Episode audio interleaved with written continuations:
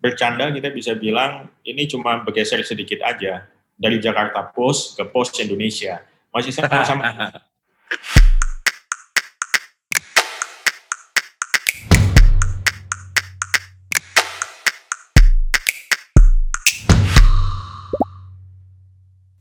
Halo teman-teman, ketemu lagi dengan saya Kepala Suku Mojo dan sore hari ini seperti biasa kami tidak bisa keluar dari kantor jadi mewawancarai eh, tamu kami lewat aplikasi Zoom dan di kali ini ada Bang Nezar Patria. Halo Bang.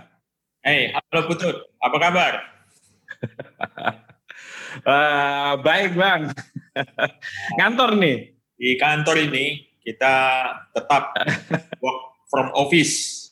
Hmm, work from office karena termasuk sektor kritikal menurut aturan pemerintah. Sektor kritikal. Iya.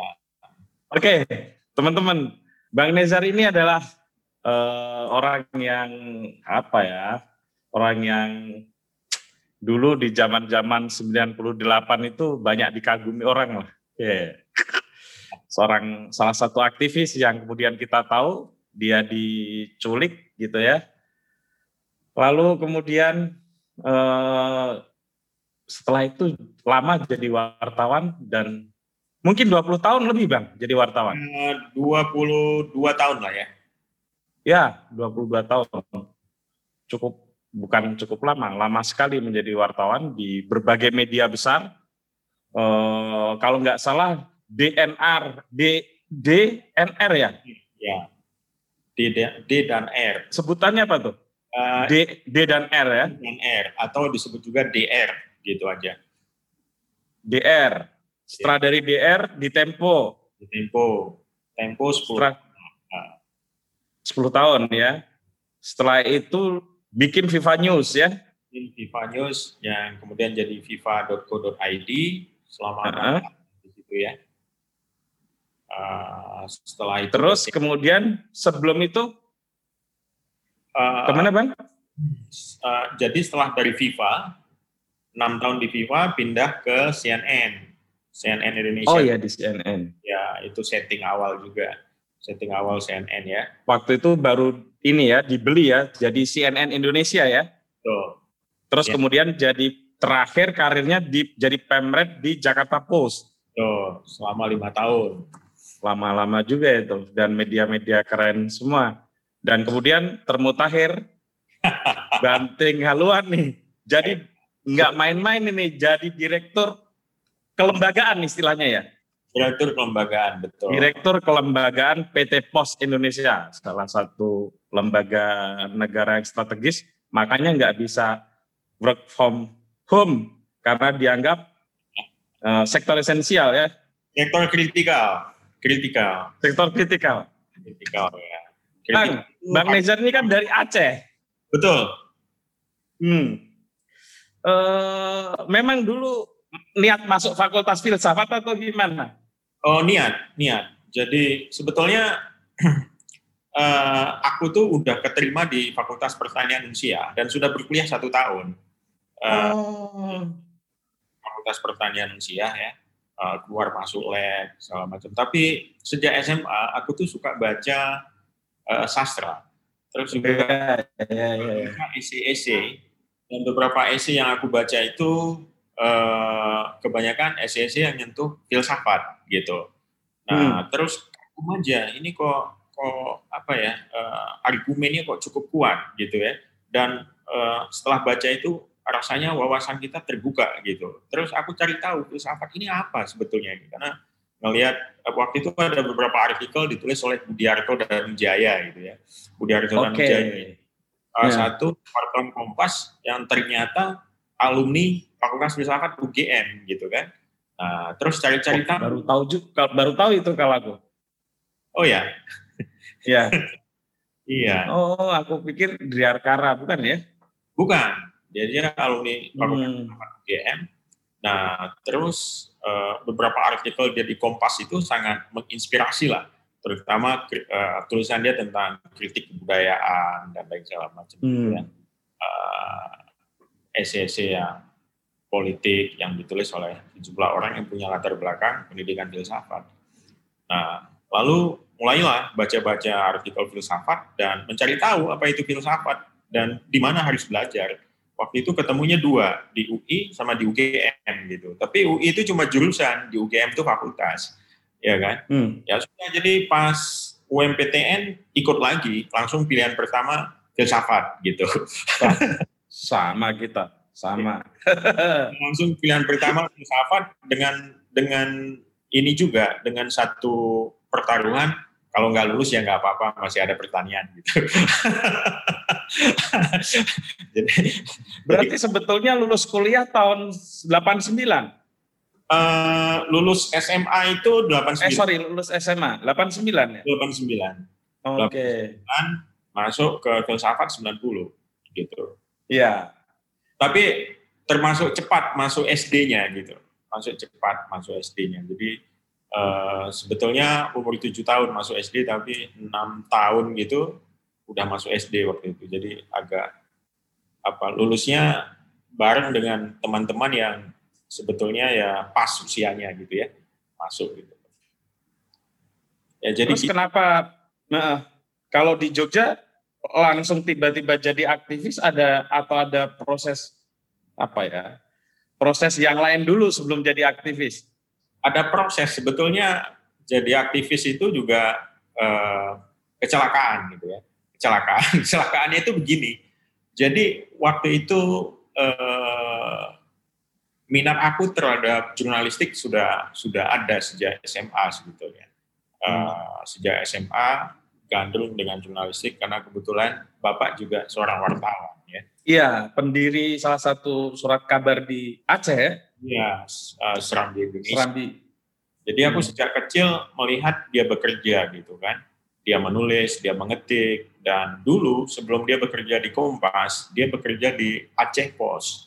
Dan uh, waktu aku kecil, kami hidup sangat sederhana karena uh, ayah itu ya wartawan yang ya lebih banyak idealisnya gitu. Jadi gaji dia pun gak jelas di koran lokal itu.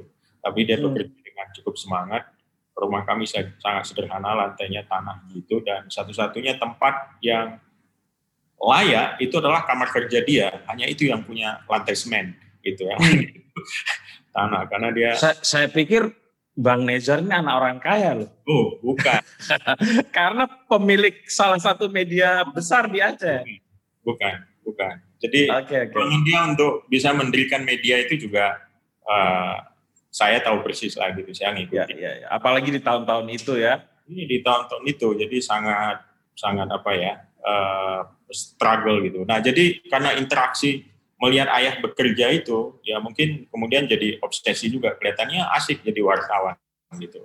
Dan saya itu setiap kali kalau ayah selesai nulis feature gitu ya, uh, dia suruh kirim ke uh, waktu itu pakai telex, telex. Hmm dan ya, saya yang harus membawa naskah itu ke kantor eh, namanya dulu ada Kodam di sana, ada unit PHB perhubungan yang punya mesin telex itu ya untuk kirim-kirim. Dan itu pos kalau nggak salah ya?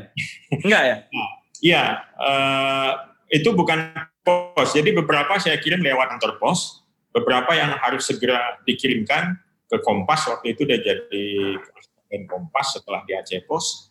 Uh, itu harus lewat mesin telex gitu. Jadi telex, telegram itu, telegram telex. Iya telex. Ya. Jadi itu saya tahu itu dulu soalnya sepupuku jadi wartawan juga kadang sering ikut tuh ngirim kayak gitu tuh. Iya. telex. Jadi diketik gitu kan, diketik. Ya. Ada pita kuningnya itu yang bolong-bolong. Kan dia kasih kode morse-nya gitu. Nah, pakai itu. Nah, jadi setiap kali aku ke dari rumah ke kantor PHB itu perhubungan Kodam itu itu kan naik sepeda, tapi di tengah jalan aku berhenti baca dulu apa yang ditulis. hmm. Baca dulu baru kemudian uh, nganterin gitu. Tentu aja sebetulnya itu nggak boleh, kan butuh cepat. Tapi aku kadang-kadang agak nakal baca dulu, setelah itu baru bawa dan kirim gitu ya. Nah, yeah. setelah selesai diketik, pita kuningnya itu aku bawa pulang ke rumah sebagai bukti ini sudah dikirimkan gitu. Dan itu terus menerus sejak SD sampai dengan SMA lah. menjadi asisten dalam tanda kutip dari ayah gitu ya. Uh, jadi tahu persis apa yang dia tulis, aku gunting, aku clipping. Lama-lama aku clipping juga tulisan-tulisan yang lain yang ada di koran itu gitu ya. Uh, terutama sejak dia menjadi uh, koresponden Kompas. Jadi itu aku sampai hafal tuh semua penulis yang ada di Kompas itu.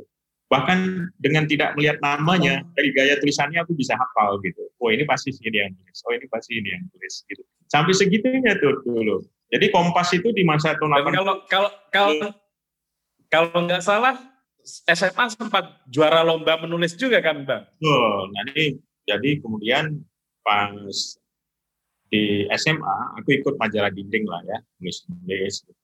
terus suatu kali di di kantin sekolah ada harian suara karya gitu. Ada pengumuman lomba mengarang tingkat SMA nasional gitu. Wah ini coba coba ikut deh kayaknya. Kayaknya lumayan juga lihat hadiahnya itu eh, terima hadiah di Jakarta dapat beasiswa dapat buku nginap di hotel Indonesia gitu kan. Oh. hidup aku belum pernah uh, lihat Jakarta kan. Jadi waktu itu, wah ini kayaknya bisa ke Jakarta, coba nulis. Dan waktu itu baru pulang liburan dari Tapak Tuan, satu daerah terpencil di Aceh di bagian selatan. Pulang, wah ini kayaknya pengalaman di Tapak Tuan menarik, menarik ditulis. Nah, tulislah itu, tulis, uh, kirim, eh dilalah kok juara satu nasional gitu. Eh nasional ya kan 4.200 artikel lain lah anak-anak SMA gitu. Ya gempar lah Banda Aceh waktu itu kan, gempar. Gitu. Bisa jadi juara nasional gitu kan anak SMA. Padahal aku kan di SMA pemalu banget tuh, pemalu banget. Jadi enggak uh. karena SMA aku itu termasuk salah satu SMA yang agak top gitu. Jadi anak-anak pejabat sekolah di situ gitu kan. Boleh tahu SMA mana tuh, Bang? SMA 2, Banda Aceh. Oke. Okay. Jadi yang top tuh SMA 1, 2, dan 3. Nah, aku hmm. SMA 2. Nah, SMA 2 itu perbedaan kelasnya agak mencolok. Karena umumnya yang sekolah di situ anak menengah ke bawah. Jadi begitu anak kelas atas sekolah di situ, dia langsung ngeblok gitu. Ini anak kelas atas semua gitu. Jadi hmm. kita ada yang menengah bawah lah gitu. Jadi circle-nya itu uh, circle minder gitu.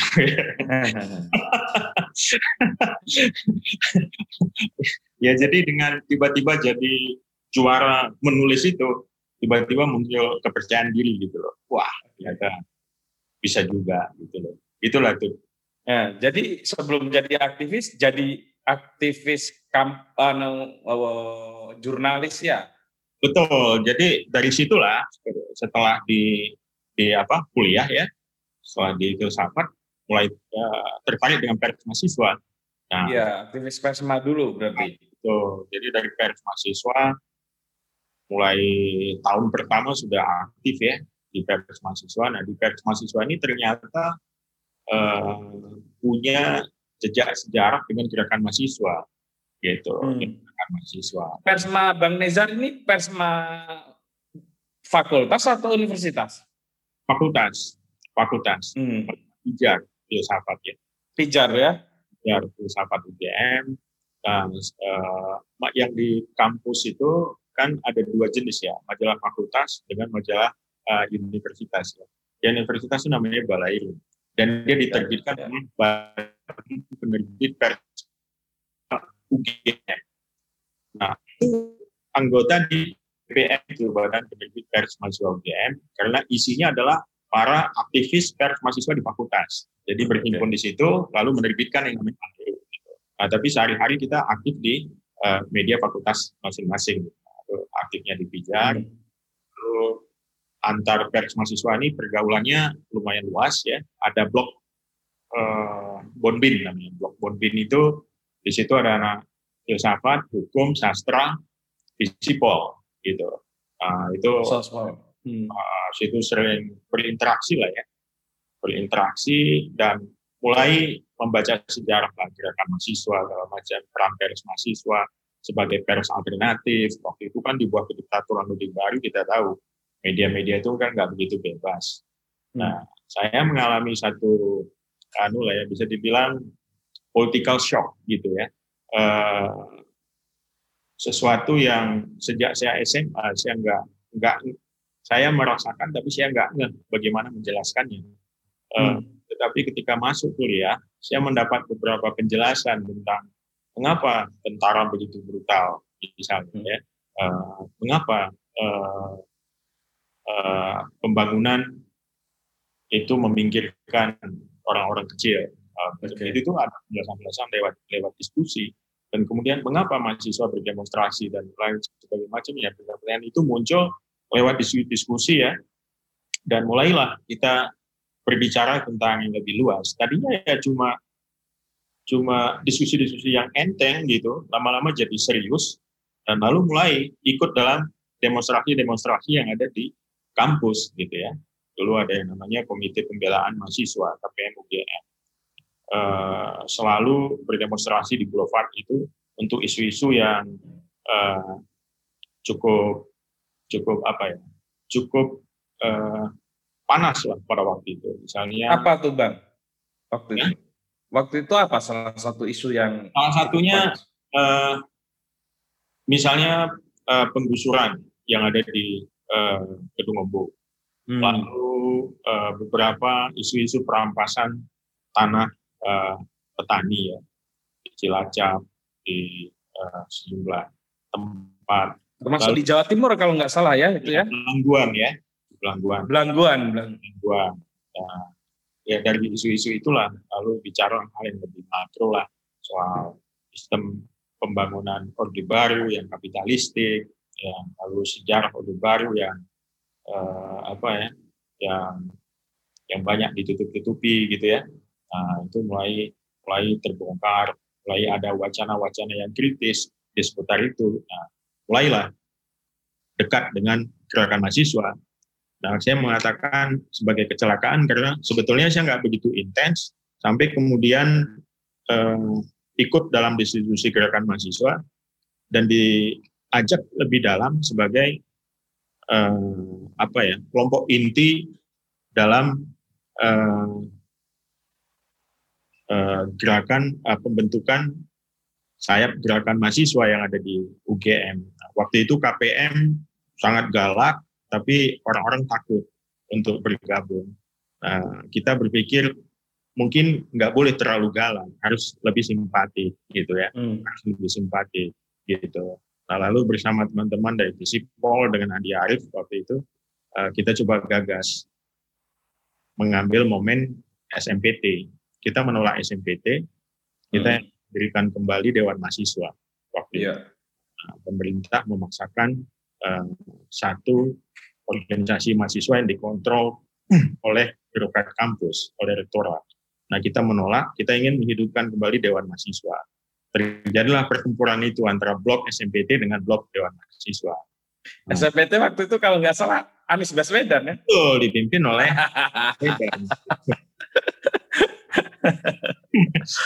oh, panjang ini perseteruan mahasiswanya dengan Anies Baswedan. Oh, iya.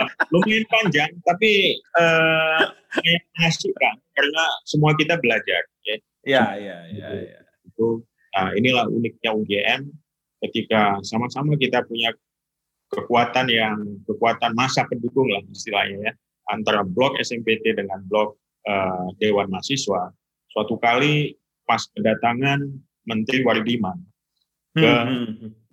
UGM. Nah, momen hmm. itu kita gunakan untuk aksi besar.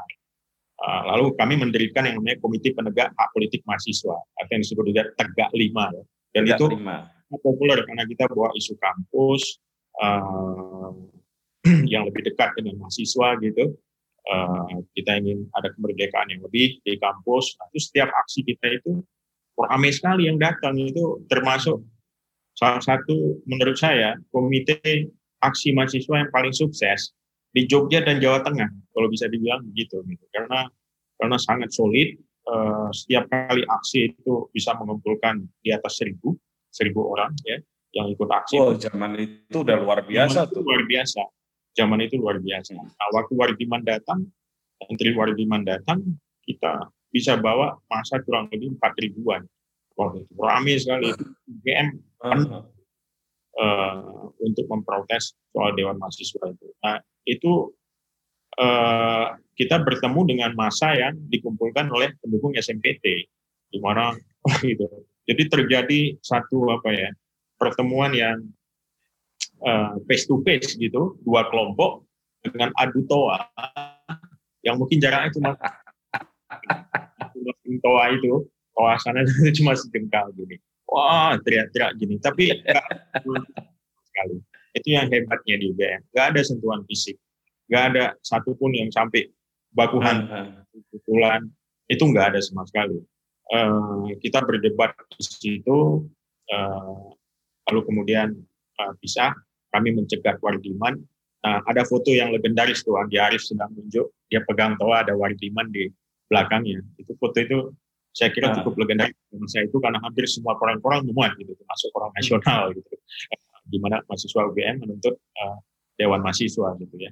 Nah, udah sejak itu makin intens, makin intens dan merasa bahwa isu kampus ini terlalu elit karena uh, sesungguhnya demokrasi Indonesia menuntut lebih dari sekedar sekedar kebebasan akademis di kampus gitu. Uh, dan kita melihat uh, pentingnya untuk memasuki sektor-sektor uh, yang nggak disentuh mahasiswa ya atau abai selama ini. Dan sebetulnya dan dan mereka adalah pemilik suara yang paling sah lah untuk Republik ini. Ya hmm. rakyat-rakyat yang dipinggirkan itu gitu ya. Uh, petani buruh lalu kami coba masuk mengorganisir sambil membangun satu sayap gerakan mahasiswa yang lebih besar mulai ada hubungan antar kota ya sesungguhnya juga melanjutkan apa yang sudah dilakukan oleh para senior senior ya sebelumnya gitu. Gerakan mahasiswa 80-an kan kita punya catatannya sendiri. Ya. ya. Uh, mereka sempat pause di Betul. 89 90 agak pause. Uh, lalu bergeliat lagi ketika masa kami-kami ini masuk gitu 90 gitu. 90 91 itu ada ya. gelombang ya. naik lagi. Nah, di situlah ada momentum itu mulai terlibat lebih aktif gitu. Sampai dengan konsolidasi mendirikan yang namanya solidaritas mahasiswa Indonesia untuk demokrasi itu di tahun 93. Di mana kemudian Bang Nezar jadi sekjennya ya dan Andi Arief jadi uh, ketuanya ya. Betul.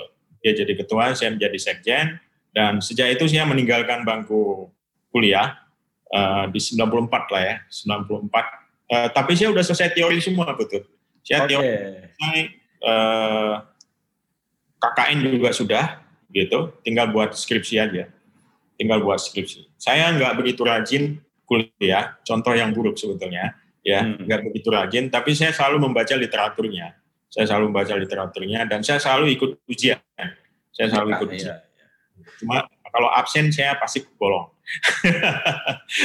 tapi entah kenapa ya. akhirnya akhirnya nasib juga mempertemukan di lembaga yang sekarang ya. Andi Arief itu pernah jadi komisaris ah, PT Pos ya. Oh. Andi Arief PT Pos dan saya sekarang uh, ditunjuk jadi direktur kelembagaan PT Pos. Uh, jadi ya, oh, jadi teman-teman. Ya. Andi Arief lewat politik mungkin ya. Pada waktu itu dia kan menjadi staf khususnya Pak SBY ya. SBY. Iya, dia masuk gitu. Kalau saya ya uh, lebih ke jalur profesional lah gitu ya, jalur profesional. Dan mungkin juga secara secara apa bercanda kita bisa bilang ini cuma bergeser sedikit aja dari Jakarta Post ke Post Indonesia masih sama-sama. Jadi dulu di UGM terutama di Sospol dan Filsafat tuh dua pas sepasang ya, sepasang ketua dan sekjen ini sangat terkenal. Kalau Andi Arief punya masa fanatik di Sospol, Bang Nizar punya masa fanatik di filsafat. itu sam yeah. sampai kemudian diculik, Dang ya. Posisi yeah. sek ketua dan sekjen ini ya. Betul, betul. Uh, posisi ketua dan sekjen yang abadi gitu karena setelah itu tidak ada kongres lagi buat Smith uh, setelah uh, Soeharto memasukkan kita ke dalam daftar hitam organisasi ya uh, di hmm. blacklist uh, otomatis kita nggak bisa melakukan kegiatan secara terbuka. Uh, beberapa kawan lalu kemudian uh, mendirikan beberapa organ-organ lain gitu ya, organ yeah. lain gitu yang yang sejalan dengan visi Smith. Tapi ya kami, saya dan Andi tetap saja tercatat sebagai ketua dan sekjen Smith. Ya, yeah. sampai akhir zaman mungkin. Karena nggak ada nggak ada lagi Congress Smith setelah itu. apa yang dirasakan waktu itu, Bang? Di apa ya? Jadi daftar hitam Orde Baru ya yang saat itu sangat kuat ya. Ya. Dan kayaknya kalau di saat-saat itu rasa-rasanya orang kalau sudah masuk daftar hitam Orde Baru, kayaknya udah nggak punya masa depan aja gitu. Ya, persis, persis. Saya kira eh, apa yang kami lakukan itu adalah kristalisasi dari uh, pikiran dan perasaan generasi muda masa itu gitu ya, yang sudah muak dengan kediktatoran gitu. Kami mungkin juru bicara yang juru bicara yang uh, juru bicara dari masa itulah ya, sangat hmm. tidak sah. Kami menjadi juru bicara dari masa itu uh, dari garis yang radikal gitu. Karena kami percaya Eh, perubahan nggak bisa lagi dengan anjuran, dengan seruan, gitu. Perubahan harus ditata dengan satu kekuatan, dan itu harus ada kekuatan politik. Dan kami melihat absennya satu partai politik yang bicara atas kepentingan rakyat yang sejati, gitu ya. Hmm. Uh, misalnya absennya kekuatan nelayan, kekuatan buruh, kekuatan petani di parlemen pada waktu itu. Kami melihat kok kosong, kok nggak ada yang bicara soal kepentingan uh, petani yang digusur tanahnya dan lain sangat idealis pada waktu itu ya sangat idealis. Hmm. Mestinya ada satu partai yang multisektor yang bicara tentang uh, apa demokrasi di Indonesia, lalu juga bicara tentang arah masa depan bangsa ini ya. Nah, waktu itu kita melihat uh, ini cuma diputuskan oleh segelintir elit yang korup gitu ya. hmm. ya, tidak memikirkan ke mana negeri ini akan uh, berjalan ke depan. Jadi itu keresahan yang merata di anak-anak muda pada masa itu. Dan semuanya merasa begini, dengan kuatnya KKN pada waktu itu ya, ya. korupsi, uh, kolusi dan nepotisme itu, kalau kita pun pinter, lulus dari yang namanya universitas, mencari kerja itu nggak gampang. Kalau nggak punya koneksi, kalau nggak nepotis itu susah gitu. Banyak anak-anak yang brilian akhirnya nggak mendapat tempat gitu ya karena korup karena sistem yang korup. Jadi semua merasa bahwa setelah selesai uh, kuliah kita mau ke mana? Sebetulnya begitu. Ada ada ada juga kerisauan itu kerisauan itu. Nah jadi sebetulnya di tengah kediktatoran yang makin makin makin brutal dan makin gak jelas pada masa itu perjuangan untuk mendobraknya ataupun menggulingkannya adalah perjuangan masa depan generasi ini sendiri gitu loh. Jadi mereka mengharapkan ada perubahan sehingga akses mereka untuk ke kemajuan itu lebih lebih besar. Nah itu yang itu yang eh, apa ya saya tangkap ya pada pada hmm. masa-masa itu gitu. Nah ketika dijadikan daftar hitam itu memang gerak kita menjadi terbatas secara terbuka.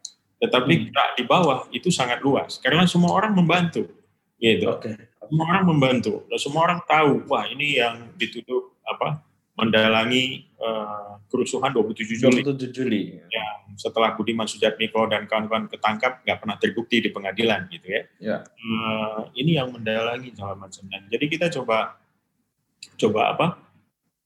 Uh, menangkap apa yang dipikirkan dan dirasakan oleh rakyat pada masa itu ya di bawah kediktatoran gitu. Jadi bergerak di bawah e, ternyata temannya banyak sekali gitu loh, hmm. banyak sekali dan semua mendukung, semua mendukung.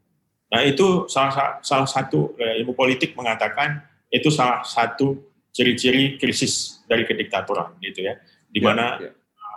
kekuasaan yang diambilnya itu sudah tidak mendapatkan lagi persetujuan dari rakyat. Hmm nggak ada lagi konsen gitu ya, nggak ada lagi konsen gitu loh.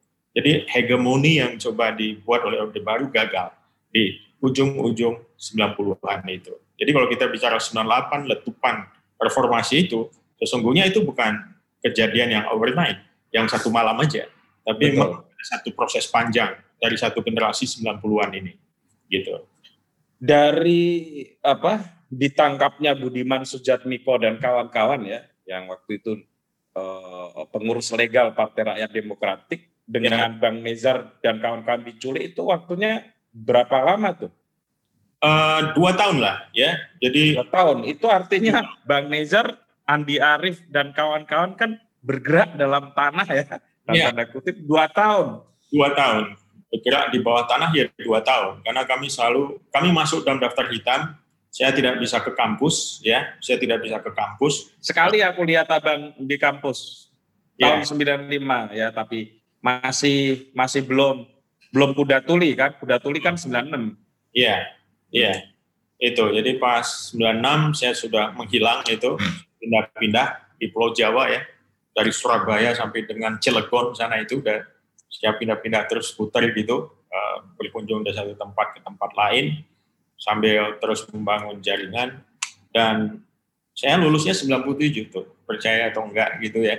Itu yeah. keajaiban, kenapa? Itu saya kaget, saya berterima kasih sekali pada UGM, terutama Pak Ikhlasul Amal, rektornya pada waktu itu. Jadi ketegangan antara UGM dengan dengan uh, rezim Soeharto itu kencang sekali pada waktu itu. Pak Ikhlasul posisi yang kritis. Dulu ada juga Pak Amin Rais kan di situ hmm. orang soal hmm. segala macam dan mendesak gitu. Hmm. Nah, ada Pak Afan Gafaran Mahrum ya. Pak Gafar, ya. Hmm. Kita di UGM banyak juru bicara juru bicara intelektual yang kritis lah gitu ya, mengkritik kekuasaan. Cornelis Lae, ya. almarhum gitu ya. Almarhum. Jadi di 96 setelah dikejar-kejar, setelah satu tahun uh, apa uh, hidup dengan cara bawah tanah lagi itu, tiba-tiba saya dapat pesan dari pembimbing akademis saya di filsafat gitu. Nah dia bilang, karena saya kan sudah sudah proposal skripsi, tapi belum belum menulis gitu hmm. kan, belum ujian. Oke. Okay. Nah, terus dia bilang tolong segera ada pesan dari universitas, ini tolong segera diselesaikan skripsinya gitu. terus dia tahu saya lagi dicari-cari, terus saya bilang e, oke okay, saya selesaikan nanti ujiannya gimana? Sudah ujiannya tertutup saja kata dosen-dosen filsafat. Oh iya iya iya iya. Kaget itu dan ternyata mereka di, sangat di backup oleh Pak Ikhlasul Ulama yang tahu kalau beberapa anak-anak UGM yang dicari-cari dan masuk daftar hitam ini, ini belum lulus. Jadi mereka ingin ingin segera meluluskan lah. Mungkin juga salah satunya supaya nggak ada beban bahwa ini mahasiswa gitu ya kan. salah satunya mungkin ya. Uh, tapi juga dalam kerangka lain mereka ingin protek juga gitu supaya nggak nggak sampai putus sekolah atau apa gitu. Jadi saya ujian dan di tertutup gitu. Skripsinya udah selesai gitu. Dalam waktu dua bulan saya selesaikan. Ya memang draftnya sudah lama selesai jadi tinggal edit-edit kecil aja. Dua bulan saya kemudian ujian tertutup gak ada yang tahu gitu. Masuk ke fakultas diuji oleh empat orang dosen. Udah selesai. Nah lalu uh, ya wisuda gitu.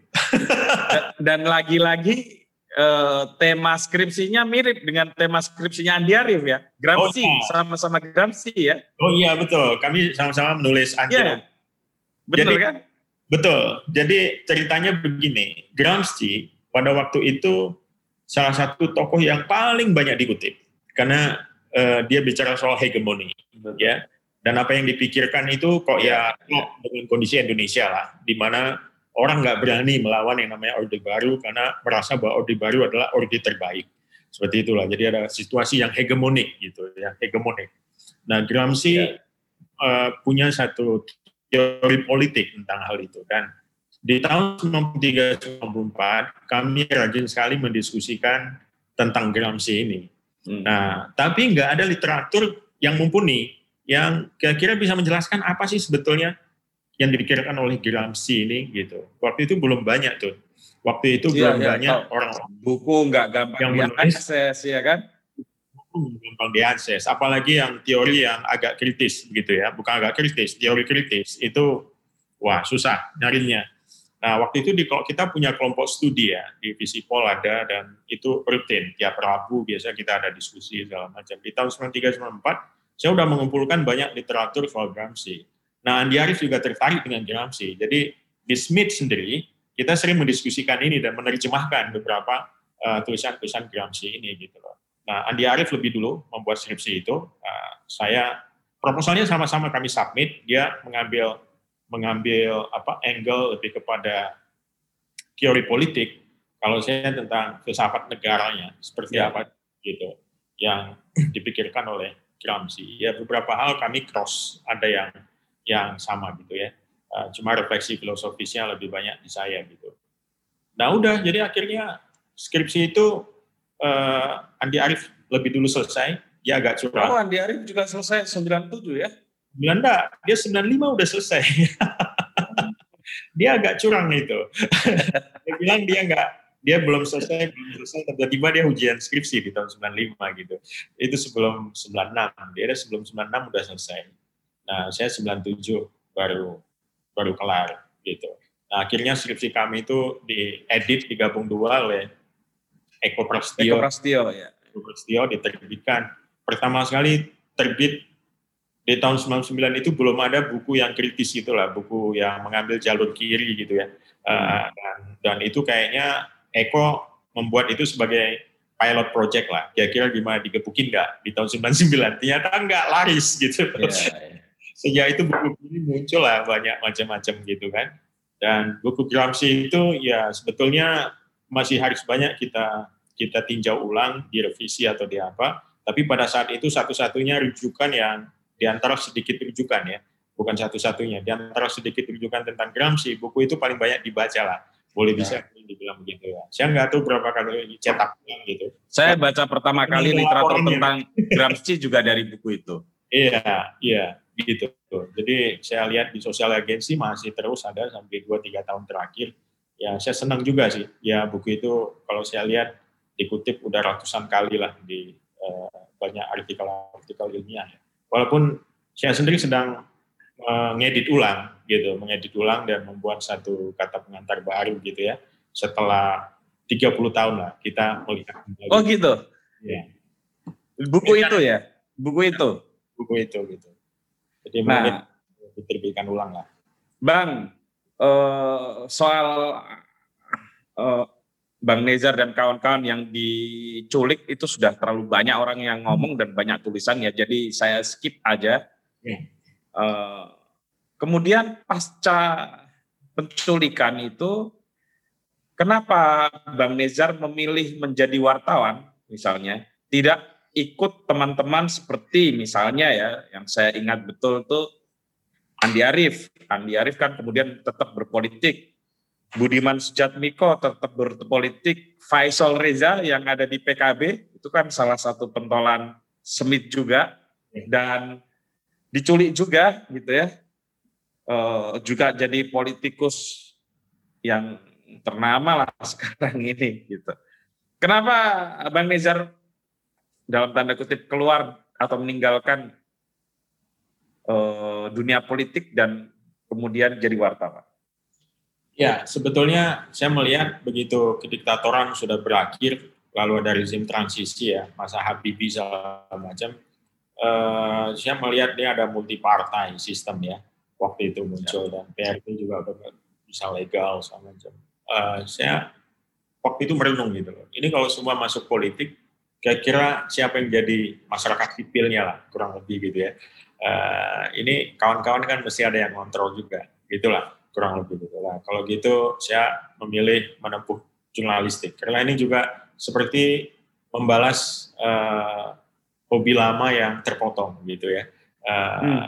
ataupun interest yang sudah lama saya miliki untuk bekerja di media dan menjadi wartawan, tapi terpotong karena episode gerakan mahasiswa itu ya, episode melawan kediktatoran dan lain. Jadi saya kira uh, saya ingin mengisi reformasi itu uh, dari sudut kebebasan berekspresi itu. Sorry, aku potong bang.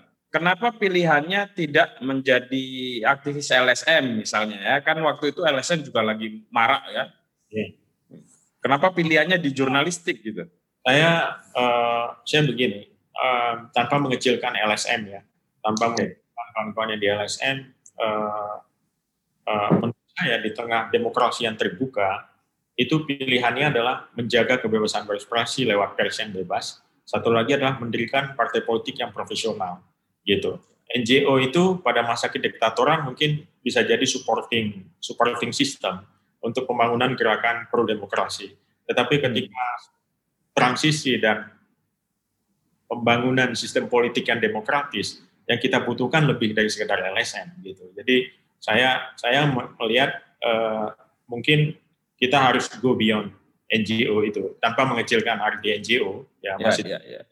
tetapi kalau ingin apa ya memberikan pressure yang lebih besar terhadap kekuasaan kita bisa menggunakan media yang bebas atau dengan partai politik yang kuat dan profesional. Jadi sebetulnya dua hal ini yang menurut saya di masa reformasi ya dua entitas inilah yang yang sekarang merumuskan dan mendefinisikan dinamika politik kita kan hari-hari ini. Kalau nggak media ya partai politik kan gitu. Waktu itu langsung masuk DR atau ada sebelumnya bergabung di media yang lain? Jadi saya mulai saya mulai uh, menjadi wartawan gitu ya. Sewaktu setelah se, uh, pembebasan apa uh, penculikan itu, saat dibebaskan itu, uh, saya bergabung ke satu tabloid kecil milik Kompas Gramedia ya, namanya tabloid Bangkit gitu. Tabloid hmm. Bangkit. Itu saya nggak lama, enam bulan di situ dengan nama yang alias gitu. Saya nggak hmm. pakai nama nama asli karena saya waktu itu masih di bawah proteksi polisi militer sebagai saksi uh, korban penculikan. Jadi saya oh. bawa surat uh, dari polisi militer uh, bahwa saya adalah orang yang harus diproteksi. Saya bisa bawa surat itu ke kantor pos uh, eh kantor pos kantor uh, pos polisi militer maksud saya. Pos polisi militer di mana pun uh, PM gitu. Ya tunjuk surat itu dan saya berhak dikawal gitu berhak dikawal sebagai saksi hmm. korban karena kasusnya lagi di pengadilan ya pada waktu itu. Jadi karena karena status itu saya nggak bisa pakai nama yang asli untuk menjaga ini aja uh, keamanan pada waktu itu. Jadi tidak direkomendasikan untuk untuk hmm. untuk ini. Jadi saya bekerja dengan nama alias di tabloid itu di tabloid uh, bangkit itu. Dan orang yang paling sering saya diwawancara adalah George Adi Condro. Waktu itu dia di di Australia dan dia yang paling tahu siapa nama nama samaran saya itu gitu loh. Jadi saya, hmm. saya pakai nama Dede. Almarhum juga ya? Almarhum Dede NP. Saya pakai nama Dede NP gitu. Nah itu almarhum Jos Adi Condro kalau saya kontak dia langsung tahu kalau ini Nezar Patria gitu dia lah. Hmm. dan dan dan dulu kan kita paling sering uh, ngambil pendapat-pendapat yang kritis ya sebagai bagian dari reporting kita gitu. Ya cuma enam bulan. Setelah itu saya pindah ke majalah DR majalah DR satu tahun di situ lalu kemudian pindah ke Tempo gitu. Apa yang apa apa yang uh, membuat Bang Nezar kemudian memilih bergabung di Tempo? Salah satu lem, uh, organisasi pers yang besar ya di Indonesia ya. Iya. Jadi Tempo ini sebetulnya obsesi lama juga ya. Hampir tidak ada pers mahasiswa di Indonesia aktivisnya yang tidak ingin menjadi wartawan Tempo. Pada waktu itu pencapaian sepertinya begitu. Iya, pencapaian jurnalistik yang kira-kira apa ya membanggakan itu dan tampak sangat profesional juga dengan teknik menulis yang apa enak dibaca dan perlu itu gitu ya. Hmm. Nah, itu cuma dimiliki di Tempo dan semua kita ingin belajar di situ gitu. Setiap kali ada pelatihan-pelatihan jurnalistik pasti wartawan Tempo diundang dan kita wah tangan seorang tokoh besar dan kita menggali uh, segalanya di situ. Nah, jadi ketika ada kesempatan, sebetulnya begini, DR itu itu adalah majalah yang dipakai oleh ex kawan-kawan Tempo yang majalahnya diberedar pada tahun 90. Iya, betul. Nah, lalu mereka nggak punya outlet untuk untuk berekspresi kan. Uh, jadi secara bawah tanah mereka menggarap yang namanya majalah DR ini. Kalau nggak salah di situ ada Bang Hasudungan Sirait ya?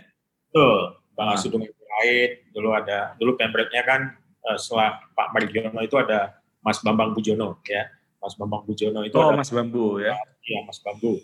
Nah beliau itu adalah uh, mantan redaktur pelaksana Tempo ketika di uh, Bredel gitu. Ya, ya, nah dari beliau juga saya dapat rekomendasi untuk masuk ke majalah Tempo gitu. Setelah majalah DR tutup gitu.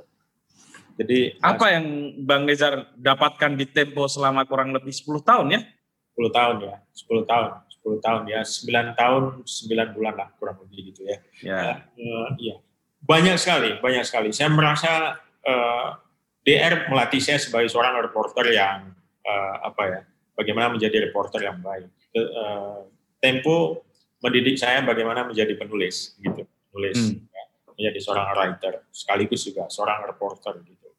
Dan saya belajar investigasi uh, di Tempo juga, investigative reporting, dan saya bekerja di DES itu cukup lama, tiga tahun lebih hmm. saya investigative oh. reporting. Dan salah satu karya jurnalistik saya itu memenangkan Tolerant Prize di Manila ya, tahun 2000. Yang apa bang? Pak, ya. Yang soal apa? Oh, yang soal uh, kerusuhan Mei. Hmm. Menginvestigasi ulang kerusuhan Mei. Uh, itu terbit tahun 2003 dan rangka lima tahun reformasi itu. Jadi kita rekonstruksi lagi apa yang terjadi di bulan bulan Mei 98 itu. Uh, ya, saya merasa bahwa Tempo mengajarkan banyak hal ya, banyak hal. Uh, dan di situ juga mungkin juga perubahan cara pandang saya gitu ya sebagai jurnalis gitu kan. Uh, maksudnya begini, saya kan lama di gerakan mahasiswa. Ya. Uh, hampir 10 tahun juga bisa dibilang gitu ya. Uh, ya 8 tahun lah ya, 8 tahun kurang. Uh, dan itu mendidik cara pandangnya uh, yang hitam putih ya, hitam putih. Jadi uh, cuma ada benar atau salah di situlah, nggak ada daerah abu-abunya gitu. Nah, ketika jadi wartawan, uh, spektrum warna itu ternyata nggak cuma dua gitu ya. Jadi ya, di antara hitam dan putih itu ada warna-warna lain gitu ya. Uh, dan K saya, kalau di aktivis itu gini kan ada giumnya, kalau kamu tidak menjadi bagian dari menyelesaikan masalah, berarti kamu bagian dari masalah itu sendiri. Iya, kalau kamu nggak nggak bersama kita, kamu menentang kita kan begitu.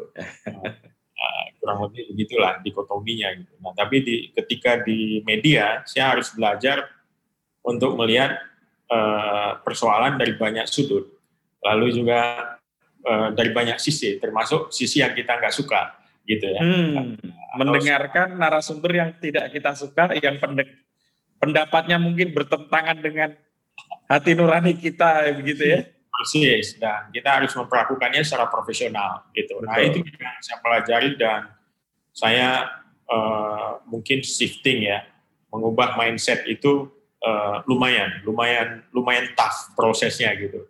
Karena kalau kita hitam putih di dalam jurnalistik itu akan kelihatan kalau kita one sided satu sisi gitu dalam melihat. Saya melatih objektivitas, melatih bagaimana berhubungan narasumber, baik orang yang kita suka maupun kita tidak suka secara pandangan apa personal views gitu ya. Hmm. Uh, orang kan punya personal views masing-masing gitu. Tapi di dalam ketika jadi wartawan itu kita harus pinggirkan dulu gitu. Kita harus pinggirkan dulu. Kita mendekati objek yang kita wawancara atau kita laporkan itu ya sebagaimana adanya gitu ya. Sebagai, ya. ya.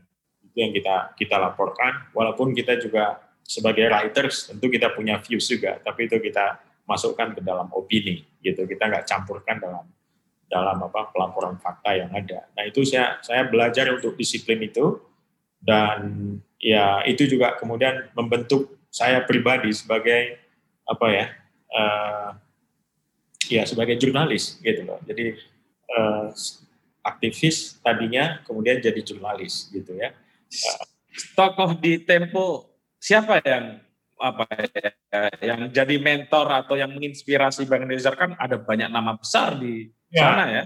Ya, saya beruntung karena waktu bergabung di Tempo tahun akhir 99 dan awal 2000 itu itu Tempo lagi membangun kembali ya setelah di Bradle. Jadi sejumlah veteran-veterannya itu dipanggil lagi ya untuk membangun Tempo itu.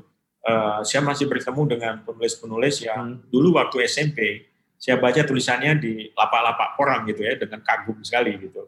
Uh, saya bertemu dengan Pak Asa deh, misalnya ya. Saya bertemu tahu ya nama Subah Asa, penulis Subah Asa. Subah Asa. Saya bertemu dengan Burhan Muhammad pastinya itu ya, hmm. seorang penyair yang namanya cukup besar gitu dan seorang wartawan juga. Uh, Bambang Pujono sudah saya temui waktu saya di DR. Lalu satu lagi orang yang uh, saya belajar banyak, Amarita Lubis Gitu. Almarzan Lubis yang barusan juga meninggal dunia ya? Iya. Jadi Almarzan ini mengajarkan banyak sekali. Saya dimentorin dua tahun oleh dia hmm. ya. Uh, untuk apa liputan-liputan nasional. Dialah yang uh, memberikan apa uh, uh, perspektif buat saya bagaimana satu cerita ditulis gitu ya. Uh, dan hampir setiap pekan saya ada uh, kelas personal lah dengan dengan apa uh, Amarizan gitu. Selain itu tradisi di Tempo atau itu karena kedekatan personal aja? Uh, tradisi di Tempo. Jadi ada hmm. satu kelas yang memang diajarkan uh, apa uh, kelas bareng-bareng di mana para editor diajarkan oleh para mentornya. Uh, ada juga yang mentoring yang langsung. Jadi misalnya begini, untuk Des Nasional, seperti saya waktu itu di Des Nasional, itu yang mentoring Amarijan Lubis gitu kan. Hmm. Lubis. Nah, setiap pekan tulisan kita akan diedit oleh uh, si mentor kita ini. Dia akan periksa dan dia melakukan editing. Nah, ketika dia melakukan editing, biasanya dia manggil kita kan. Terus hmm. ini yang maksud dengan paragraf ini apa? Misalnya hmm. ini apa, ini apa. Nah, itu di awal-awal uh, begitu. Jadi interaksi ketika ketika apa uh, editing itu dilakukan, nah di situlah proses transfer knowledge-nya terjadi gitu ya. Kita tahu ya, kita, lalu kita coba ikuti gitu. Nah, lama kelamaan dia nggak manggil lagi, udah langsung dia edit, besoknya kita diskusi. Nah, itu yang sifatnya personal. Tapi ada kelas setiap Selasa di mana dia mengajarkan kita bagaimana sih tulisan yang baik itu. Gitu. Menarik ya, berarti organisasi kerja seperti di Tempo ini ya? Menarik, menarik sekali. Saya, saya, saya kira uh, Tempo itu sebagai sebuah sistem sudah berjalan puluhan tahun ya. Uh, itu yang membuat dia uh, bertahan sampai dengan hari ini, walaupun para wartawannya, para jurnalis-jurnalis yang terkenal yang pernah bergabung ke situ kemudian pindah yaitu dan ya, Tempo ya, masih ya. bisa bertahan dengan satu style yang uh, nggak jauh beda dengan uh, 10 apa 15 tahun yang lalu yang kita baca, terutama dalam soal storytelling ya. Storytelling. Ya, ya. Nah, terus kemudian Bang Nezar dan beberapa teman mendirikan Viva News ya, kalau nggak salah waktu itu nama awalnya ya. Betul. Yang kemudian sekarang jadi viva.co.id. Betul, betul. Itu kan dua medium yang berbeda karena kalau di kalau di Tempo Bang Nezar kan di majalah Tempo ya, kita tunggu setiap hari Senin gitu kan. Kalau di Jogja ditunggunya hari Rabu bukan hari Senin. Tahu nggak Bang kenapa? Kenapa? Karena kalau hari Rabu udah di diskon. Jadi di Kop Mau GM itu kalau sudah hari Rabu selalu udah diskon gitu. Jadi saya waktu itu ya yang masih menit meniti karir sebagai penulis pemula ya kalau beli Tempo itu di UGM setiap hari Rabu karena harganya tinggal jadi sepuluh ribu waktu itu. Dan itu okay. dari dulu. Itu dari dulu. Dulu memang ada harga mahasiswa. Eh? Ada harga mahasiswa. Jadi iya. meritnya itu. Ya, tapi nggak bisa dijual hari Senin. Iya, dijualnya hari Rabu. Ya, dijualnya hari Rabu, dijualnya hari Rabu. Nah, apa yang membuat Bang Nizar meninggalkan Tempo dan memilih medium baru ya? Karena ini kan yang satu digital ya, dan waktu itu digital juga belum seperti sekarang ini. Gitu. Betul, betul. Nah, waktu di Tempo saya berkesempatan untuk ngambil master ya, kuliah master di Inggris di London School of Economics. Jadi selama tinggal di Inggris itu eh, masa-masa studi itu saya melihat perkembangan media di sana dan saya lihat media online yang berkembang maju banget gitu loh. Dan pada waktu itu di tahun 2007 itu, itu saja media cetak sudah terancam sangat serius dengan tumbuhnya media online di sana. Walaupun di Indonesia belum sampai pada taraf itu pada tahun 2007, ya. belum ya. mengancam sekarang gitu. Nah, tapi Betul. di Inggris sudah terjadi dan diskusi tentang masa depan cetak itu itu sudah muncul dan ramai gitu. Dan saya mengikuti diskusi itu. Nah, terpikirlah oleh saya wah ini gimana ya masa depan cetak gitu. Sementara hmm. waktu di Tempo kita memang lebih heavy pada print ya, pada cetak. Nah ketika pulang ke Indonesia, uh, bertemu dengan sejumlah teman yang juga sekolah, ada yang sekolah di Amerika, uh, dan yang lain-lain terlibat dalam diskusi, dan kita merasa bahwa wah ini kayaknya saatnya untuk masuk ke dunia digital gitu loh. Hmm. Nah, tapi waktu itu Tempo lebih heavy print Nah, karena itu kita berpikir, wah kalau gitu kita dirikan satu media digital lah. Emang agak berat meninggalkan Tempo ya pada waktu hmm. itu. Hmm. Agak berat sambil apa ya, ya agak bimbang juga ya, apakah benar ini media digital akan tumbuh. Uh, karena iya. belum ada karena Betul. dulu ada astaga baru ada detik kalau nggak salah ya di Indonesia ya. yang benar-benar stabil ya. ya detik yang muncul gitu dan dan uh, waktu itu kan jurnalisme detik masih apa istilahnya uh, kayak flash news gitu ya. News ya. Pendek-pendek aja gitu. Nah, kita berpikir uh, jurnalisme online sebetulnya bukan flash news gitu. Uh, jurnalisme online itu ya jurnalisme secara umum ya jurnalisme kita kenal seperti yang kita baca di cetak cuma mediumnya aja ganti ganti cara presentasinya ya juga ganti gitu nah pada waktu itu apa yang dibawa detik kayak satu dogma bahwa inilah jurnalisme online gitu Hmm, hmm. ingin kecepatan yang memburu ya, kecepatan. Kami ingin mematahkan dogma itu pada waktu cita-citanya kan gitu nih, menantang ya, ya. giant ini, ya kan, menantang giant ini kan, detik giant. Ini gimana caranya? Lalu kita buat formulasi karena semua kita punya background bekerja di majalah, jurnalisme ala tempo itu begitu kuat. Oh kalau gitu ini harus digabungkan antara kecepatan sama kedalaman. -hmm. Kecepatan dan kedalaman formulanya gimana. Nah, kita nggak bisa mengajikan satu berita yang hanya satu sumber aja. Jadi formula kita waktu itu berita kita harus sedikitnya dua sumber dilengkapi dengan background dan riset gitu. Uh, sehingga dia bisa mengisi uh, kebutuhan informasi yang lebih detail dan lebih dalam di online. Gitu. Pada hmm. waktu nggak ada yang menyajikan seperti itu karena dogmanya adalah kecepatan, adu cepat, adu cepat, adu cepat gitu. Iya. Nah, jadi kita pikir oh, enggak juga karena sebagian orang ternyata mencari yang lebih detail gitu. Iya. habis baca detik orang loncat lagi ke tempat lain, tempat lain untuk mencari tahu gitu. Nah, lalu kita perhitungkan, nggak apa-apa kita telat 10 menit gitu, tetapi kita lebih lengkap gitu. Kita lebih lengkap gitu. Toh uh, percuma adu cepat dengan mereka yang memang sudah raja cepat seperti itu. Tapi kita kasih satu, kita bidik satu segmen di mana pembaca nanti akan mencari yang lebih lengkap. Boleh aja sana lebih cepat, tetapi nanti yang lebih lengkap akan lari ke kita. Prediksi kita betul. Dalam waktu satu tahun setengah kita jadi top 3 media hmm. uh, online di Indonesia. Kompas. Yang nomor dua apa, Bang? Uh, Kompas. Jadi Kompas ya. Kompas dan FIFA. Ganti-gantian aja itu. Kecuali Detik akan tetap nomor satu, Kompas dan FIFA ini ganti-gantian aja uh, tempatnya gitu. Nah itu uh, kita cukup gembira karena formula kita terbukti benar gitu karena uh, apa diminati orang dengan uh, traffic yang lumayan tinggi. Nah itulah berlangsung sampai kemudian kemudian kita mengubah nama FIFA News jadi fifa.co.id karena kita menganggap hmm. uh, tidak cukup hanya news tapi ini portal harus kita kembangkan untuk informasi yang lain misalnya live ya, ya lifestyle gitu sport hmm.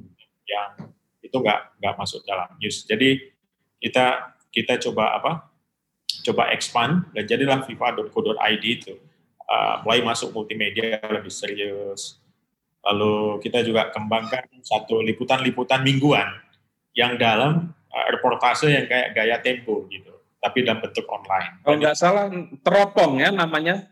Sorot. Teropong bukan? Sorot namanya. Sorot ya. Oh ya. Sorot. Sorot. Ya. Dan itu cukup diminati karena kita juga memakai infografik, kita pakai apa uh, multimedia ya, ada videonya dan segala macam gitu loh. Dan kebetulan di grup FIFA ini, di grup FIFA ini kan grupnya uh, uh, visi media Asia, di mana TV One ada di situ, Antv ada di situ ya, yeah, miliknya yeah. Bakil Group. Nah, yeah. jadi resources yang dimiliki untuk multimedia itu lebih lebih mudah buat kita. Kita bisa akses misalnya video-video dari TV One dan Antv pada waktu itu kan, yang kemudian dengan kolaborasi kita bisa uh, kemas ulang sesuai dengan uh, medium kita di website. Kalau di CNN, kemudian pindah, pindah ke CNN Indonesia kan, hmm. apa tantangannya? Di CNN sebetulnya tantangannya uh, tidak sebesar di FIFA, karena FIFA ini kan kita mulai dengan selembar kertas putih kosong gitu ya. Dari okay dari nothing menjadi jadi ada gitu. Uh, tapi kalau di CNN kita kerja di sebuah global brand yang punya standar sendiri, punya SOP sendiri, punya work of flow, punya segalanya, ya, punya sistem untuk kendali mutu dan lain sebagainya. Semuanya sudah selesai, ya, semua modulnya udah ada, tinggal jalanin, gitu, hmm. tinggal jalani. Nah, buat saya saya merasa beruntung karena saya sempat belajar gitu sampai uh, bersama Yusuf Arifin waktu itu ya. Iya. Uh, Mas Dalipin ya. Iya, Mas Dalipin itu kami sempat ke Hong Kong di biru CNN di sana uh, di Asia biru CNN Asia Pasifik yang ada di Hong Kong dan kita belajar bagaimana konvergensi uh, media baru. Jadi ada televisi dengan web waktu itu. Dan saya saya merasa beruntung saya mendapat uh, pengalaman itu dan belajar banyak gitu. Sehingga itu kita aplikasikan di CNN pada masa-masa uh, uh, awal ya. Uh, bersama juga Mas Budiono Darsono ya sebagai CEO-nya waktu itu yang kita tahu orang yang bertangan dingin yang membuat uh, detik sukses ya luar biasa dan detik di masa-masa akhir Mas Budiono berada di sana uh, sudah berubah jauh dari konsep yang sejak awal detik menjadi apa ya uh, menyediakan bukan cuma berita yang flash itu, mereka sudah improve cukup jauh, termasuk liputan-liputan yang panjang, liputan yang mendalam. Hmm. Itu uh, kelihatannya karena demandnya sudah begitu, sehingga detik-detik kemudian mengubah. Dan saya sering apa ya uh, bergurau lah sama Mas Budiono gitu kan, wah ini ikut-ikut FIFA. Dia bilang ya enggak, uh, itu begitu FIFA buat, kami timpa dengan lain dan kami lebih menang ya pasti. ya nggak mau melawan guru saya Mas Budiono. Dan yang mengejutkan kemudian Bang Nezar justru pindah di Jakarta Post, media ya. yang mohon maaf kemudian ja, lebih kecil kan Jakarta Post. Ya betul. Sebetulnya uh, begini, jadi Jakarta Post itu uh, ingin melakukan satu transformasi ceritanya. Hmm. Uh, mereka sangat heavy di digital dan mereka eh, heavy di print dan mereka menginginkan ada transformasi ke digital dan uh, waktu itu karena melihat saya bekerja di apa Tempo, saya itu ke FIFA lalu ke CNN, uh, pemiliknya Pak Yusuf Manandi ini uh, berniat untuk mentransformasikan uh, Jakarta Post. Lalu saya diajak gitu Nah, dia ajak saya untuk bergabung dan uh, eh, Pak Yusuf Manandi ini kan kita tahu ya salah satu figur aktivis mahasiswa 66 lah ya.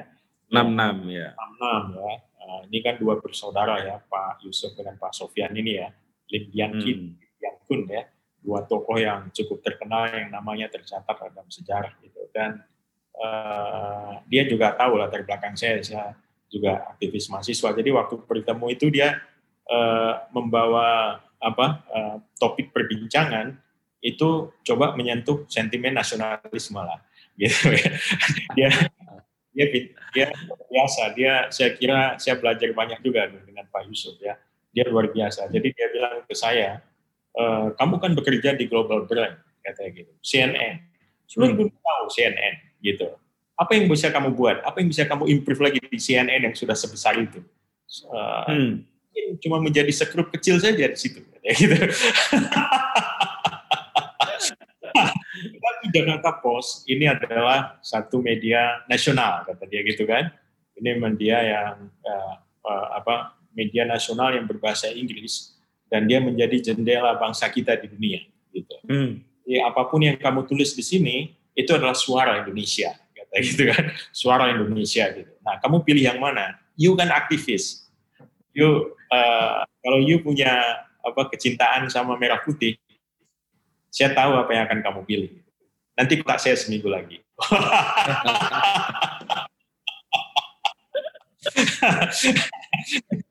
Jadi uh, ternyata ya begitu tuh. Jadi menjadi aktivis walaupun sudah ke mana-mana, uh, ya yang namanya sentimen itu tetap dengan gampang bisa dinyalakan lagi gitu. Betul. betul, betul.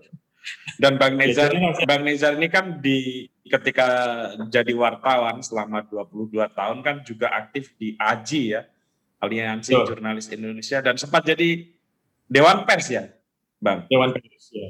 Ya, ya saya aktif di AJI yang menjadi ketuanya di tahun 2000 lah, itu Ketua AJI Jakarta, lalu menjadi pengurus AJI, Aliansi Jurnalis Independen ya, salah satu ya, ya. wartawan yang sewaktu kita bergerak di bawah tanah, uh, dan mereka juga masih di bawah tanah, itu XX uh, wartawan medianya yang di Bredel ya, sama-sama ya, kediktatoran, jadi punya visi yang sama lah kemerdekaan pers gitu. Hmm. Uh, saya terus bergabung dengan organisasi ini uh, di tahun 2000 uh, menjadi ketua Aji Jakarta, lalu kemudian penerus Aji, lalu kemudian terpilih jadi sekjen Aji, lalu kemudian jadi ketua Aji. Uh, setelah ketua Aji terpilih menjadi anggota Dewan Pers uh, sampai dua periode ya. Uh, ya jadi cukup apalah ya. Uh, ya saya cukup berterima kasih dengan semua pengalaman itu yang menurut saya banyak sekali memberikan kekayaan ya, kekayaan batin dan juga kekayaan pengalaman dan lain sebagainya. Pengalaman lah ya kalau wartawan itu. Ya. Nah sekarang sebagai direktur PT salah satu direktur PT Pos Indonesia. Gimana Betul. tuh bang ceritanya? Oh iya, uh, jadi uh, saya merasa bahwa perjalanan saya, journey saya di, di dunia jurnalisme itu uh, sudah saya lakoni ya hampir semua sudutnya gitu. Ya, ya. Semua sudutnya. Dan waktu kemarin itu sampai hari ini saya kira industri media itu mengalami disrupsi luar biasa ya. Benar. Dengan yang namanya uh, digital ekonomi yang tumbuh sekarang ini. Dan disrupsi yang terjadi uh, mengakibatkan semua media tradisional harus migrasi ke digital, tetapi di digital perangnya belum selesai. Gitu Betul. Ya ya, karena yang berkuasa ternyata yang memiliki platform dan Betul. yang platform ini yang mendeliver konten ya mm-hmm. nah, di, di platform inilah traffic ditentukan gitu dan uh, saya melihat ada gerak yang lebih besar ketimbang industri media di sini gitu loh yang namanya traffic itu tadi uh, source of traffic ini sangat menentukan uh, sukses atau tidaknya digital ekonomi yang dibangun. Nah, jadi saya ingin Eh, karena saya selama menjadi uh, pemimpin redaksi ya, wakil pemimpin redaksi dan juga redaktur pelaksana sejak di FIFA, sesungguhnya pekerjaan saya itu bukan hanya jurnalistik dan artian editing laporan saja, tapi juga memikirkan jurnalisme sebagai anu ya, sebuah organisasi kerja. Betul. Hmm. Sebuah entitas bisnis gitu ya. Hmm. Jadi di situ uh, saya harus berpikir tentang salesnya, saya harus berpikir tentang strategi marketingnya dan lain sebagainya. Dan memikirkan itu membuat saya bersentuhan dengan makro ya, situasi makro industri yang besar, begitu banyak data yang masuk segala macam dan kemudian saya berpikir, wah ini kelihatannya saya harus belajar lebih banyak tentang uh, digital ekonomi yang lagi bergerak ini, gitu. Digital ekonomi yang lagi bergerak ini. Nah, saya pikir uh, saya ingin terjun dulu ke satu industri yang kira-kira berada dalam ekosistem ini, ya ekosistem yang besar ini hmm. uh, di digital ekonomi dan ingin tahu bagaimana dinamikanya. Karena transformasi yang saya lakukan di Jakarta Post misalnya dari cetak ke digital, uh, teoritik itu sudah sudah berlangsung, de facto itu sudah berjalan, uh, sistemnya sudah berjalan, tetapi ada tantangan lain dan ini tantangan seluruh media bukan cuma Jakarta Post gitu. Jadi bagaimana kita bisa making money ya, ya. dengan platform digital itu. Nah, pertanyaan itu saya ingin menjawab dengan masuk ke dalam lanskap bisnis yang lebih besar. Gitu. Nah, nah itu sebabnya saya memilih mungkin saya harus masuk ke dalam satu korporasi yang besar yang bergerak uh, apa uh, dalam lingkup ini. Dan yang masuk saya memilih ke pos gitu, uh, saya kirim lamaran ke ke BUMN. Saya ikut yang namanya tesnya, ya. Saya ikut uh, asesmen tes selama dua hari dan dilakukan oleh pihak ketiga uh, untuk bisa masuk ke dalam talent poolnya uh, uh, BUMN. Nanti terus mereka yang lakukan uh, apa penilaian gitu. Itu sudah berlangsung 4-5 bulan sebelum mereka memutuskan uh, saya bisa bergabung gitu ya.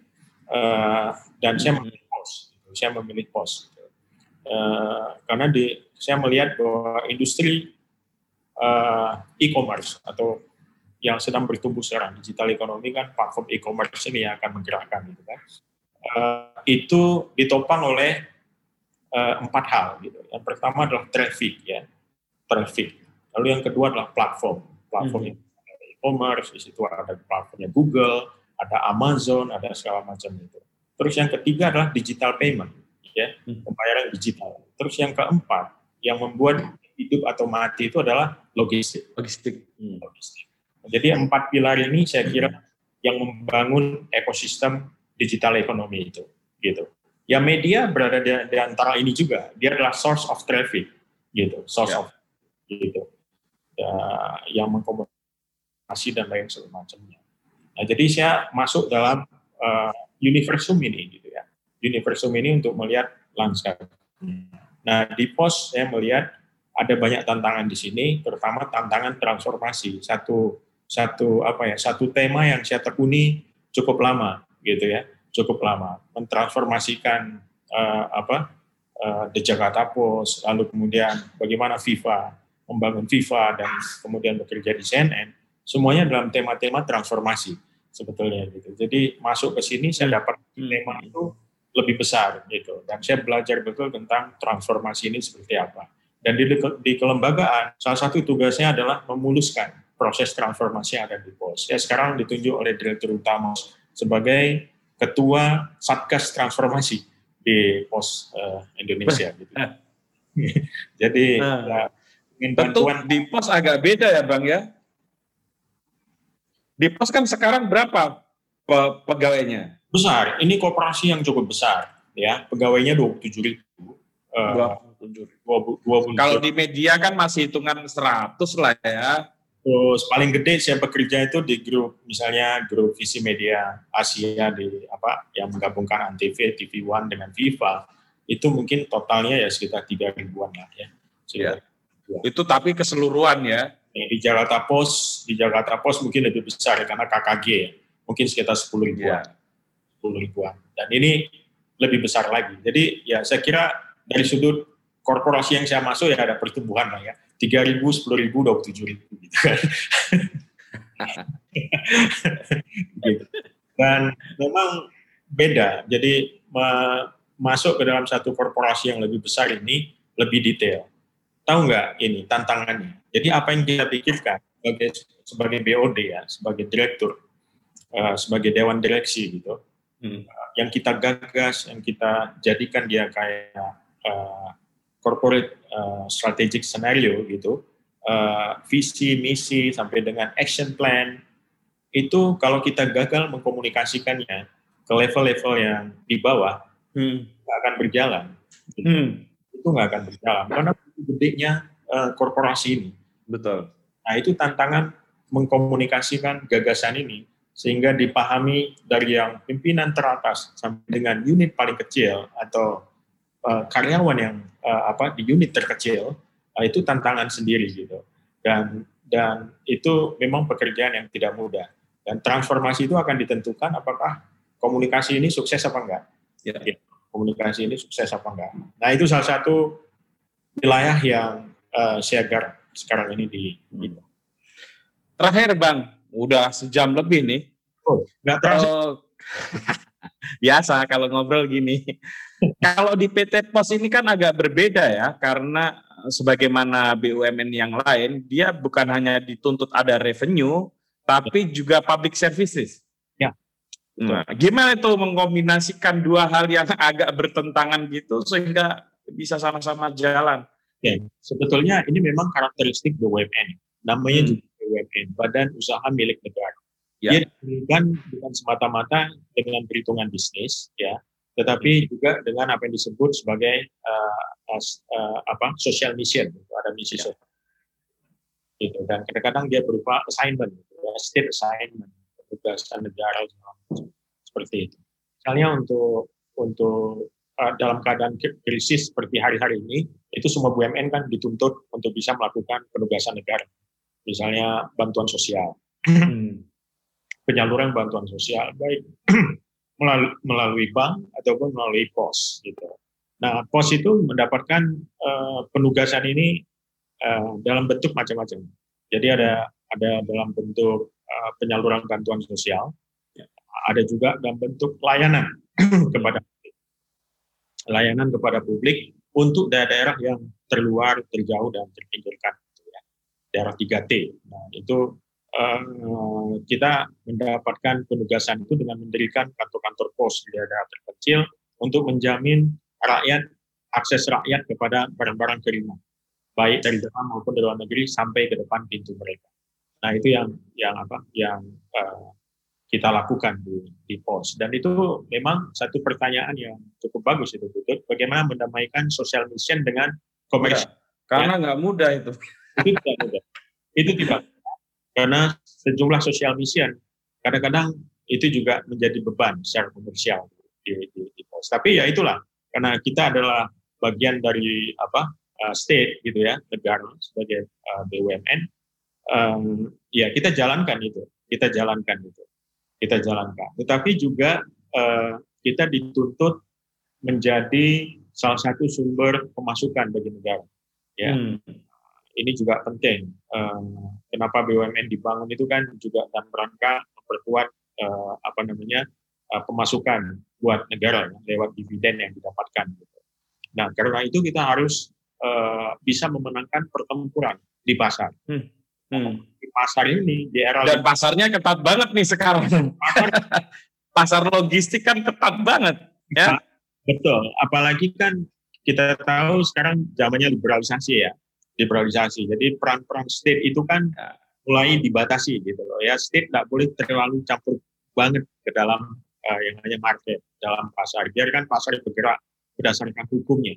Jadi tidak ada campur tangan negara yang begitu. Ya.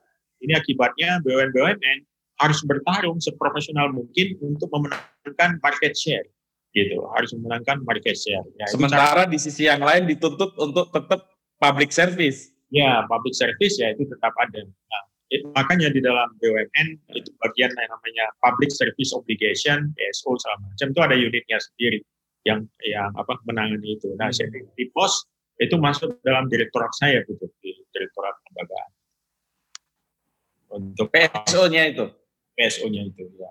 Itu termasuk ya. layak universitas. Hmm. Nah, itu cukup mengasihkan juga karena ya kita bertemu dengan rakyat gitu ya yang mendapatkan pelayanan-pelayanan uh, pos, pengantaran bantuan, pengantaran uang pensiun dan lain-lain. Wah, itu ceritanya luar biasa. Iya. Cerita-cerita dari rakyat itu luar biasa. Oke deh, Bang. Sukses deh, Bang ya. Oke, terima kasih mengurusi sekian puluh ribu Mr. Postman.